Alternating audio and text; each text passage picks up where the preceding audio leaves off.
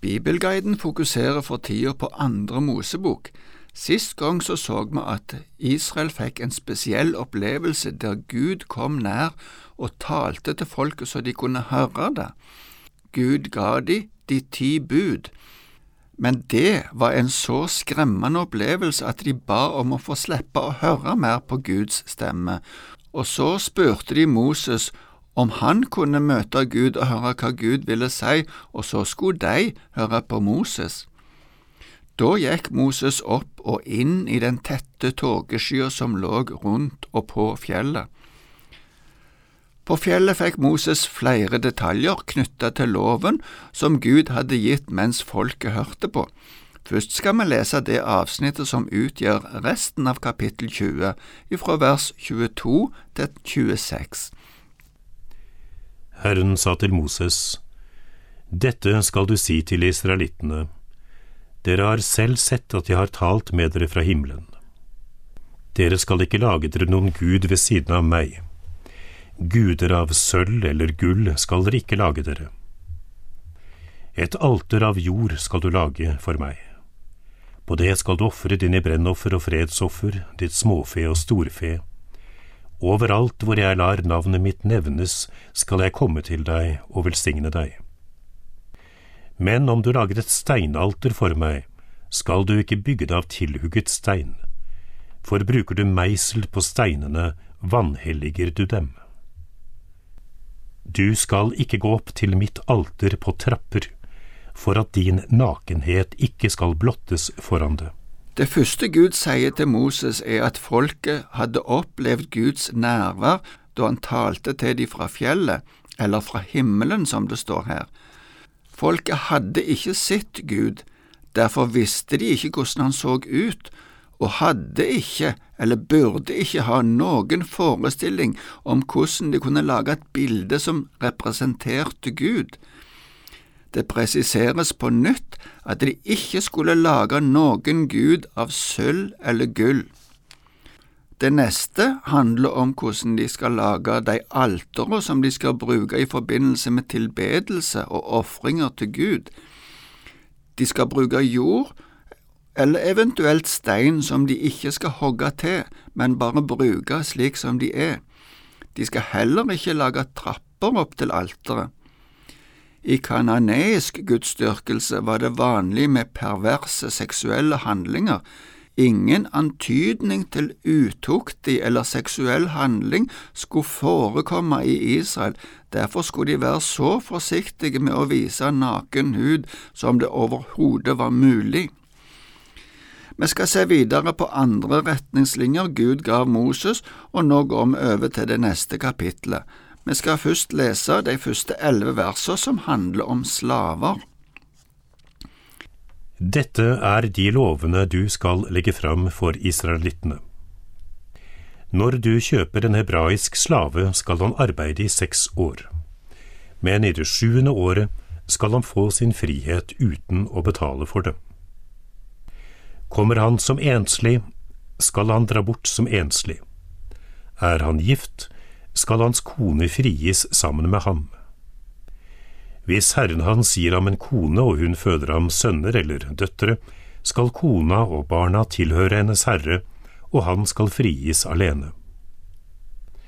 Men om slaven uttrykkelig sier, Jeg er glad i herren min og i kone og barn, jeg vil ikke bli fri. Da skal herren hans føre ham fram for Gud og stille ham opp ved døren eller ved en dørstolpe, og herren hans skal stikke en syl gjennom øret på ham. Så skal han være slaven hans for alltid. Når en mann selger datteren sin som slavekvinne, skal hun ikke gis fri på samme måte som de andre slavene. Har herren hennes bestemt henne for seg selv, men likevel ikke liker henne, skal han la henne kjøpes fri. Men han har ikke rett til å selge henne til et fremmed folk, siden han har vært troløs mot henne.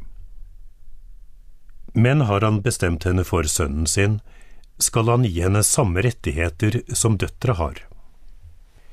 Får han en kone til, skal han ikke la den første mangle kjøtt, klær eller duftende oljer.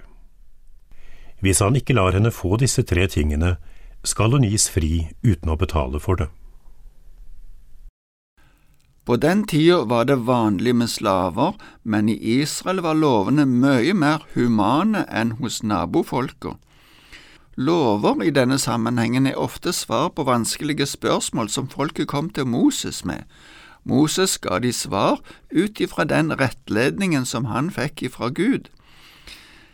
Vi så i kapittel 18 at Moses brukte mye tid på å svare folket på saker som de ville spørre Gud om. Avgjørelsene i sakene ble gjerne nedtegnet som lover eller som rettesnorer for framtidige spørsmål innenfor samme tema. Mange av disse såkalte lovene handler om andre ting enn de ti bud. De ti bud var ikke basert på spesielle saker, men disse var mer situasjonsbestemte lover. Gjeld eller andre kriser kunne forårsake at mennesker ble solgt som slaver, men Moses bestemte at innenfor Israel skulle en slik slavekontrakt ikke gjelde for mer enn seks år. Dette presiseres mange plasser, både i Mosebøkene og ellers. Hvis vi sammenligner med andre steder, kan vi si at det her er tenkt på den arbeidstida som en arbeider hadde gjennom de seks åra som de blir solgt for. For oss kan det virke underlig å lese disse avsnittene om slavekår. Om en slave gifta seg med en slavekvinne, fikk han ikke henne med seg da han ble fri. Vi ser òg at det var vanlig å kjøpe kvinner til å være kona si, eller kona til sønnen sin. I forhold til nabofolka er lovene som nevnes her, mer humane enn det som nabofolka praktiserte. Selv om det gis visse rettigheter til slaven, er det likevel slik at slavene blir ansett som eiendom til den som har kjøpt dem. I fortsettelsen så ser vi på noen regler og utsagn om drap og diverse skader. Vi skal lese ifra vers 12 til 27. Den som slår et menneske i hjel skal dø. Hvis han ikke hadde planlagt det, men det var Gud som lot ham falle for hans hånd, da skal jeg fastsette et sted han kan flykte til. Men når noen med overlegg og list dreper sin neste, da skal du ta ham, om det så er fra mitt alter. Han skal dø. Den som slår sin far eller mor, skal dø. Den som bortfører et menneske, skal dø, enten han selger det eller det blir funnet hos ham. Den som forbanner sin far eller mor, skal dø. Det kan hende at to menn kommer i trette. Den ene slår til den andre med en stein eller med knyttneven så han blir sengeliggende, men han dør ikke. Hvis han kan stå opp igjen og gå ute med stokk, skal han som slo, slippe straff. Han skal bare gi ham erstatning for tiden han har tapt, og sørge for at han blir helt frisk igjen. Når noen slår en slave eller slavekvinne med stokk, så slaven dør for hans hånd, da skal det hevnes. Men lever slaven en dag eller to, skal det ikke hevnes, slaven er jo hans eiendom. Det kan hende at noen slåss og skubber til en gravid kvinne så hun mister barnet, men uten at hun selv kommer til skade. Da skal den skyldige betale den skadebot som mannen hennes pålegger ham, og det skal skje hos dommerne. Men skjer det en skade, skal du bøte liv for liv, øye for øye, tann for tann, hånd for hånd, fot for fot. Brannsår for brannsår, flenge for flenge, skramme for skramme. Når noen slår en slave eller slavekvinne i øyet og ødelegger det, skal han gi slaven fri som erstatning for øyet. Slår han ut en tann på en slave eller en slavekvinne, skal han gi slaven fri som erstatning for tannen. Det er forskjell på om et drap er øvelagt eller uhell. En vanlig praksis var at familien til en som hadde blitt drept eller utsatt for vold, hevna skaden. En som ved et uhell dreper en annen, skal få et sted å flykte til. Dette blir mer organisert i slutten av Fjerde Mosebok. Der ser vi litt om tilfluktsstedene. men utgangspunktet var at en måtte være klar over at et drap eller en annen voldshandling var alvorlig og fortjente straff. Her er noen reguleringer for slike straffer, både generelt og spesielt overfor slaver. Det nevnes òg om noe skjer med ei gravid kvinne. En hovedregel for straff på den tida var liv for liv, øye for øye og tann for tann. Noe av bakgrunnen her er at en skal ikke straffe mer enn nødvendig. Vi skal lese resten av kapittelet òg i dag. Det handler om ansvar en har for en okse som en eier, eller andre ting som kan forårsake skader på andre. Det er versene fra 28 til 36. Det kan hende at en okse stanger i hjel en mann eller en kvinne.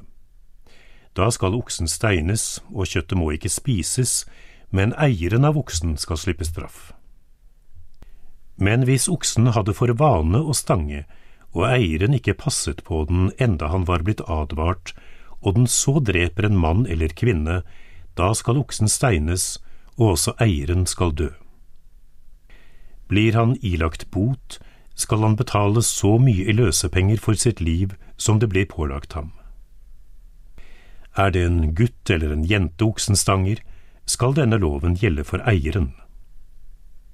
Men er det en slave eller slavekvinne oksenstanger, skal eieren gi herren deres 30 sjekel sølv, og oksen skal steines. Når en mann lar en brønn stå åpen eller graver en brønn uten å dekke den til, og en okse eller et esel faller ned i den, da skal eieren av brønnen betale erstatning til den som eier dyret, men det døde dyret kan han beholde. Når en okse skader en annen manns okse så den dør, skal de selge den levende oksen og dele pengene. Det døde dyret skal de også dele. Men var det kjent at oksen hadde for vane å stange, og eieren likevel ikke passet på den, da skal han erstatte oksen med en annen okse, og det døde dyret skal være hans. Som nevnt har vi ansvar for ting og dyr som vi har. 30 sjekel sølv var sannsynligvis en stor pengesum den gangen. Ellers så ser vi noen andre skader som kan føre til diskusjoner mellom folk, men det lar vi ligge nå uten kommentarer. Takk for i dag.